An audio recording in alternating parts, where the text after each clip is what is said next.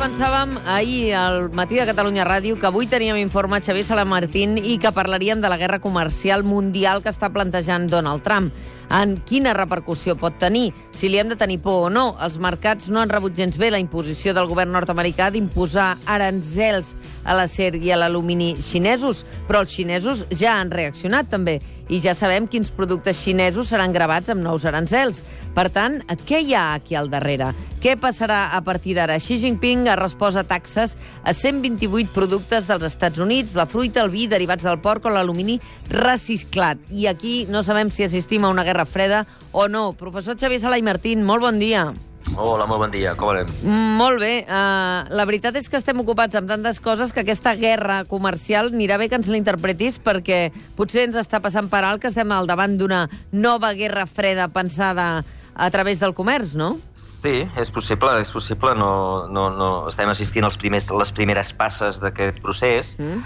uh, però per entendre les conseqüències, deixem que parli d'un d'un polític francès que sí. es diu Frederic Bastiat, que diu que hi ha una empresa, que ha aparegut una nova empresa, que està arruïnant a totes les elèctriques de França mm. i que França hauria de lluitar contra això perquè si no es perdrà tot el negoci.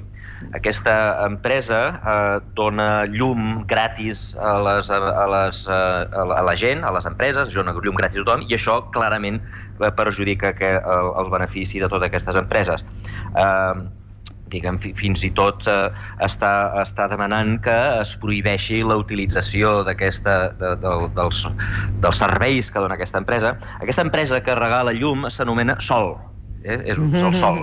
I, eh, diguem, i per protegir-se del sol, aquest polític recomana doncs, que s'obligui, que el govern francès obligui a, les, a la gent a, a, a tancar totes les finestres, a tancar, però no, no només les finestres, tancar els, les pantalles, les contrafinestres, els pòstics, les cortines, les claraboies, les persianes, tot, tot tancat, tot ben fosc, perquè així no entri la llum del sol, que és gratis, i així obligar a la gent a comprar electricitat, cosa que beneficiarà a les empreses elèctriques, i a més, no només això, sinó que generarà molts llocs de treball, perquè necessitarem molta més electricitat, eh, i tota aquesta gent que treballarà a les elèctriques doncs, comprarà carn, cosa que beneficiarà el sector de la carn i les carnisseres compraran roba, cosa que generarà eh, eh, eh, eh, llocs de treball al, sí. lloc, al sector de la moda, etc etc i això ens beneficiarà a tots. Eh?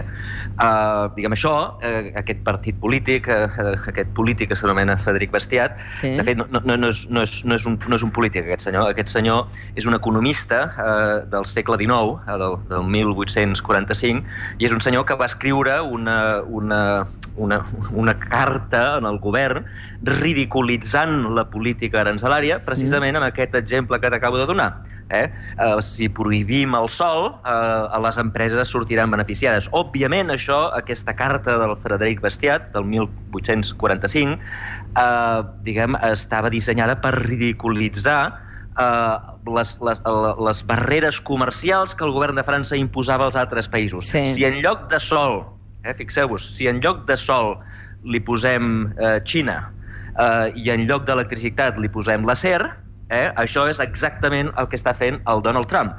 Uh, L'exemple del sol ens demostra per què, està, per què no funciona això que vol fer el Donald Trump. Eh? És veritat que si prohibim el sol o si, si obliguem a la gent a posar persianes i que no entri la llum gratis, uh, és veritat que el negoci de les elèctriques millorarà, és veritat que tindrem més llocs de treball en les elèctriques, però pensem tots quines són les conseqüències. La primera és que la gent que pot tenir una cosa que és gratis diguem, haurà de pagar per ella, eh? en lloc de tenir sol gratis, doncs haurem de pagar les elèctriques, per tant, tota la societat pagarà mm.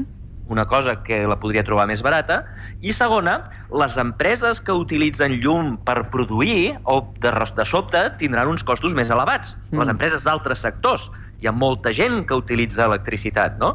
Doncs eh, si tu la pots tenir gratis eh, en lloc de tenir-la pagada, eh, doncs òbviament hi surts beneficiat, però si t'obliguen a pagar-la, doncs els costos pujaran i, per tant, augmentaran el preu de tots els altres productes de l'economia. Doncs aquí passa exactament el mateix. Eh? L'acer als Estats Units, l'acer als Estats Units el pots trobar més barat si ve de Corea o ve de uh, la Xina. Per mm. què? Doncs perquè els coreans i els xinesos s'han modernitzat i, i, i modernitzat i ten, utilitzen una tecnologia que de fet no és ni xinesa ni, ni coreana, sinó que és austríaca, que eh, fa que l'acer que ells produeixen sigui sis vegades més barat que l'acer nord-americà. Per tant, els americans podrien tenir sol, eh, gratis, no sol gratis, sinó acer baratíssim, que ve de la Xina i que ve de Corea, però en canvi el que vol el Trump és obligar-los a, a, a no consumir aquest acer barat i consumir-ne un de car que fan les empreses ineficients nord-americanes. Mm. I les conseqüències seran exactament les mateixes que les conseqüències que hem dit del sol. La gent haurà de pagar més, que dius, però que burro, no? Està, el govern americà, bàsicament, el que vol és que els ciutadans paguin molt més per l'acer. Com pot beneficiar això els ciutadans nord-americans? I segona, les empreses que utilitzen acer, les empreses de cotxes, les empreses de, de fabricants d'electrodomèstics, etc etc, tots aquests, òbviament, hauran de pagar l'acer molt més car, cosa que augmentarà el preu del, del, de les neveres i dels cotxes i, per tant, es perdran tots els llocs de treball que es guanyin en el sector de la cera, es perdran en el sector mm. neveres mm. i es perdran en el sector, eh, el sector automòbil. I, per tant, diguem, des del punt de vista només dels nord-americans, clarament és una bogeria. Clar. Però, però, clar, la bogeria es dobla quan els xinesos diuen ah, mira, els americans es volen fotre un tret al peu. Doncs nosaltres, sabeu què? Farem el mateix i van ells i fan exactament el mateix amb, amb els productes nord-americans. Eh? Eh, ells ara pugen el, la, la, la fruita, pugen el, els productes que venen d'Amèrica. Qui són els perjudicats d'això? Doncs els ciutadans xinesos, que en lloc de tenir fruita barata, tindran fruita cara. I les empreses xineses, que en lloc de poder, poder comprar productes barats, podran, hauran de comprar productes cars, cosa que encarirà tots els productes que es fan a la Xina. I, per tant, és una bogeria. O sigui, les guerres comercials eh, són una bogeria i, i això que us acabo d'explicar del Frederic Bastiat és una cosa que sabem ja des, de, des, de, des del segle XIX. Però llavors, però llavors quina solució té això? Perquè l'Organització Mundial del Comerç està en contra d'això, perquè si al final això pot perjudicar tota l'economia mundial. A veure, l'Organització Mundial del Comerç i totes les persones intel·ligents del planeta estan en contra és a dir, aquí només són els psicòpates, diguem, de l'extrema dreta, com el, com, el senyor, com el senyor Trump, però també de l'extrema esquerra. Eh? Aquí, ha, aquí a Catalunya hi ha partits que també estan en contra del comerç i que volen eh, evitar que vinguin productes de l'estranger. Eh? Eh, però, però, però la gent racional que pot pensar una miqueta entén que això és perjudicial. Per què ho fem, per tant, si és una cosa perjudicial? Doncs perquè, diguem, la gent que surt perjudicada per aquestes mesures és molt dispersa, és molta gent. Eh? Uh, nosaltres, cada un de nosaltres, doncs mira, haurem de pagar una mica més per la fruita, una mica més per la ser, una mica més per les neveres, uh, però en canvi hi ha una quanta gent, eh, uns pocs, que guanyen moltíssim, que són els lobbies de les empreses que de l'acer. Eh? Uh, en el cas nord-americà no, no s'escapa a, la, a la vista de ningú que aquestes empreses estan en els estats, aquells estats, recordeu que va haver dos o tres estats d'estats als Estats Units que el dia de les eleccions figurava que havien de votar republicà i van acabar votant demòcrata. Sí. Estem, estem parlant de Pensilvània, sí. estem parlant d'Ohio, sí. eh? estem parlant d'aquests estats... Els que van tombar, sí, sí. Els que van tombar, doncs aquests són els estats que eh, sortiran beneficiats d'aquesta mesura, la resta dels Estats Units sortirà perdent i, per tant, diguem, això eh, és, una, és una mesura que no té racionalitat econòmica, sinó que té racionalitat política. Eh? Yeah. Aquí s'està pagant una, un preu perquè uns quants, unes quantes empreses ineficients de l'acer puguin sobreviure i en uns estats que són els que li donen els vots en el Donald Trump. Però eh, quan a la gent li expliques allò dels arancels, en molts països es viu en clau de això ajudarà a protegir el petit, la petita indústria local. Uh, això, com ens deies, es pot girar en contra, però depèn de quins mercats ho poden veure uh, com una mesura de protecció, no? Sí, és una protecció per a alguns. Ja ho he explicat, la gent de la SER surt protegida, però el preu... Però dius els lobbies, és... no, els, no les petits comerç ni la petita indústria. No, no, no la, la indústria petita, gran, mitjana, el que sigui, no sé si és gran o petita, però la indústria de la SER hi sortirà guanyant, ja. perquè de sobte no tindrà competidors. Eh? Si tu treus la competència del sol, òbviament els que produeixen electricitat hi surten guanyant. Mm -hmm. Això no ho nega ningú. El que hem d'analitzar, però, que és quines són les conseqüències sobre els ciutadans en general. I com ja he explicat, clar, si tu obligues a la gent a pagar més, ja pots protegir els grans, els petits o els mitjans, m'és igual. Tota la gent, els ciutadans que compren acer o productes d'acer, hi sortiran perdent perquè han de pagar més. I totes les indústries, siguin grans o siguin petites o siguin mitjanes, que utilitzen acer, tots aquests sortiran perjudicats. Però o... la pregunta que ens fem és, si la Xina i els Estats Units, que són dos macropotències, eh, apliquen aquesta política, què acabaran fent la resta? Ah, bueno, jo crec que és possible, i això ha passat altres vegades a la història, va passar a principis del segle XX, eh, va passar just a la, a la Guerra Mundial, que els països es tanquen amb si mateixos. Ah. Eh? Uh, però pensem un moment, què passaria si uh, de sobte Catalunya es tanqués amb si mateixa? Què ens mhm. passaria? Uh, D'entrada, imagina't que tota la fruita que produïm els catalans s'hagués de vendre a Catalunya. I menjar-nos-la nosaltres. Exacte. pensa que els preus baixarien en picat perquè hi hauria tanta oferta de préssecs i no, no hi hauria prou demanda que, òbviament, els préssecs serien gairebé gratis. Això arruïnaria tots els productors de les coses que realment ja fem a Catalunya i les fem bé. Però, per altra banda, pensa que hi ha coses que no sabem fer. O sigui, d'on vindrien els iPhones? No. Sabríem fer iPhones a Catalunya? Sabríem fer uh, maquinària industrial? Eh? Alguna maquinària industrial ja fem. Productes químics ja fem. Però, uh, i, i, i, i Nespresso, que sabríem fer Nespresso? Uh, moltes de les coses que no fem, no les fem perquè no les sabem fer. Yeah. I, per tant, ens quedaríem sense. I, per tant, les coses que sabem fer resulta que baixarien de preu i arruïnaríem les empreses. Les coses que no sabem fer, doncs, no tindríem temps d'aprendre o, hauríem, o tardaríem molt a aprendre a fer cafè. Però el cafè uh... novell en fa, eh, de càpsules. Ara, si no ho dic, rebento. No, sí, però cafè... No, no, no, el, el, el cafè no el fa a Catalunya. No, no, ja ho entenc. No, no, tu parlaves de, del cafè que ve de la matèria primera. Ah, exacte, exacte. Com farem el cafè aquell? El, el, el capsular-lo eh, potser sí que ho sabem fer, sí. però el cafè, el cafè no el sabem el fer. El portem de fora, sí. I, i, i, i per tant, hi, hi ha moltes coses, eh? encara que féssim cafè, hi ha moltíssimes coses que no sabem fer. Mm. I per què no sabem fer? Ens hem de pensar. Doncs bé, una de les raons, diguem, jo diria, la principal raó que ens ha portat a ser rics ciutadans rics. El, el planeta està ple de ciutadans rics. Hi ha uns, hi ha, hi ha uns quants centenars de, mi, de milions de pobres encara, tot i que van baixant en número i van baixant ràpidament. Uh, però per què hem assolit uns nivells de riquesa que abans no teníem? Per què hem assolit un nivell de riquesa que cap altre animal ha assolit? No he vist mai un lleó ric, oi que no? Mm. Uh, nosaltres hem, hem aconseguit ser rics. Saps per què?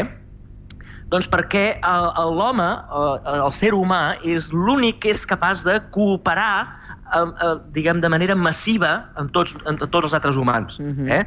Eh, cooperar no en el sentit de, de, de solidaritat, sinó de, escolta, tu fas una cosa, jo faig una altra, un altre fa una altra. Eh? Eh, si tu, cadascun de nosaltres, pensem en les coses que utilitzem, per exemple, el cafè, el de matí, eh? uh mhm. -huh. pensem cadascú de vosaltres quan tardaríeu si us haguéssiu de fer el cafè des de zero cada dia? No, no, no vull pensar. Perquè el cafè, la tassa, el tot, sucre, tot, la llet... No. Imagineu, tardaríeu sis mesos per fer un sol cafè. Per què tenim cafè nosaltres i paguem només una petita fracció del nostre salari perquè la senyora de la, del bar de la cantonada ens posi un cafè o perquè la, la, la, la màquina Nespresso ens faci un cafè? Per què?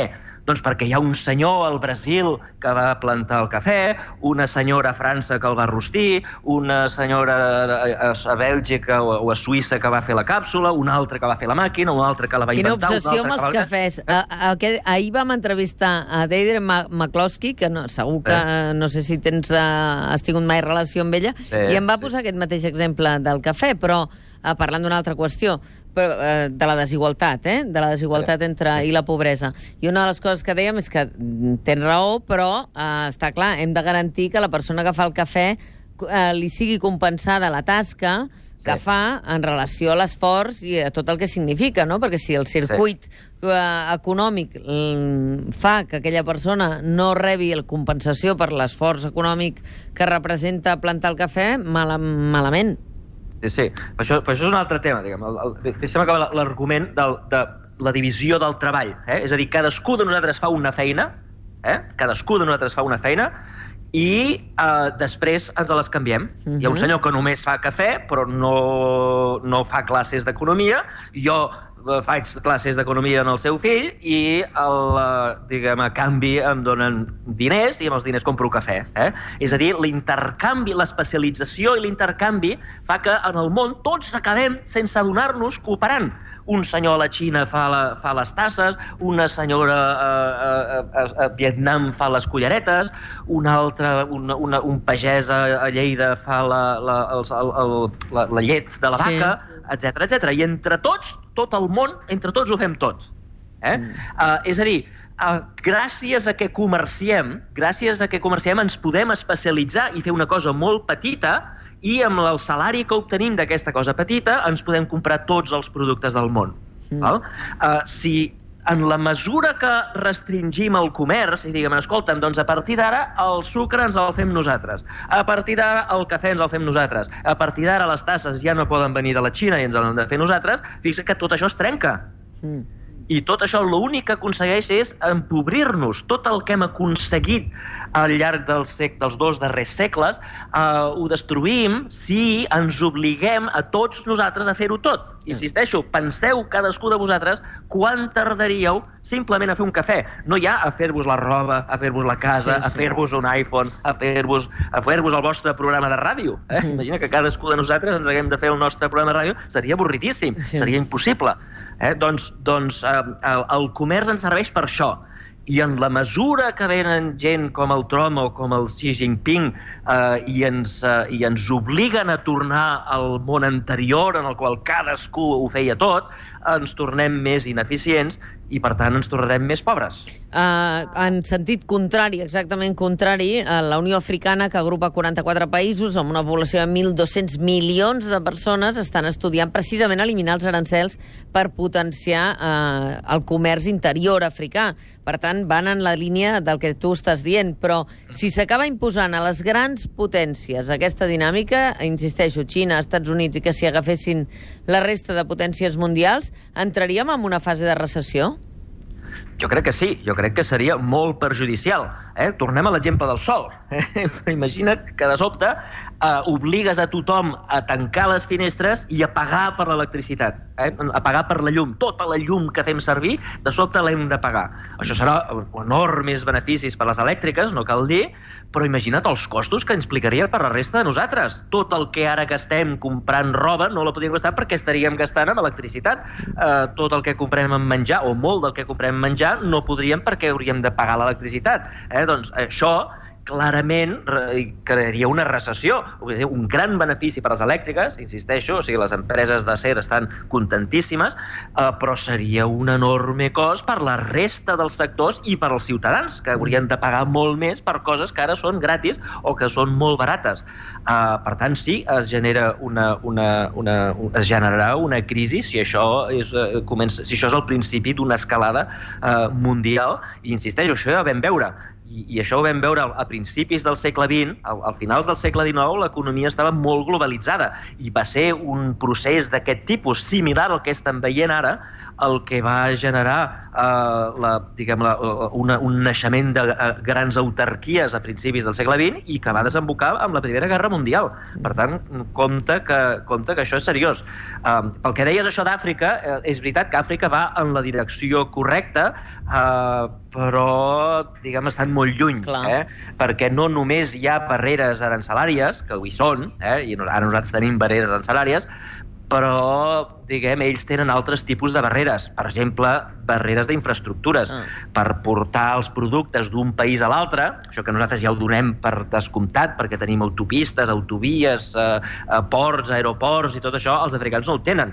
És a dir, per tu portar un plàtan de, de Ghana a, a, a Nigèria, per exemple, és més fàcil volar a França i tornar que no pas agafar un avió que és un, país, un país que està just al costat. Um, les infraestructures necessàries no les tenen. I una altra cosa que no tenen és la, les, les institucions eh? són països que tenen una altíssima regulació, és a dir, si tu envies una caixa de plàtans a Ghana, tardaràs setmanes a poder-la treure de la duana Clar. perquè tenen una, una burocràcia espantosa, corrupció, hauràs de pagar suborns als policies locals, i per tant tot això ho hauran d'arreglar. Eh, és a dir, reduint els aranzels no en tenen prou ells, han d'invertir en totes les infraestructures i les institucions que nosaltres hem invertit al llarg del segle XX eh, i que ells encara no tenen. Doncs eh, estarem amatents en aquesta guerra comercial. Escolta, d'aquí que 15 dies, quan ens trobem, s'acostarà Sant Jordi. Vindràs per Sant Jordi? Sí, sí, sí, vindré Seràs per aquí? a Barcelona. Sí, vindré per Sant Jordi, sí. Molt bé. Signaré, signaré el llibre. Signaràs signar el llibres, molt bé. Sí. Doncs el dia 19 eh, que ens tornarem a trobar en parlarem del llibre i, i també eh, de la invasió dels robots en relació al comerç local i a les grans superfícies, perquè estan amenaçades i val la pena que ens ho expliquis. Xavier, moltíssimes gràcies. Una abraçada. Moltes gràcies a tots. Que vagi bé. Et seguirem per Twitter. El matí de Catalunya Ràdio.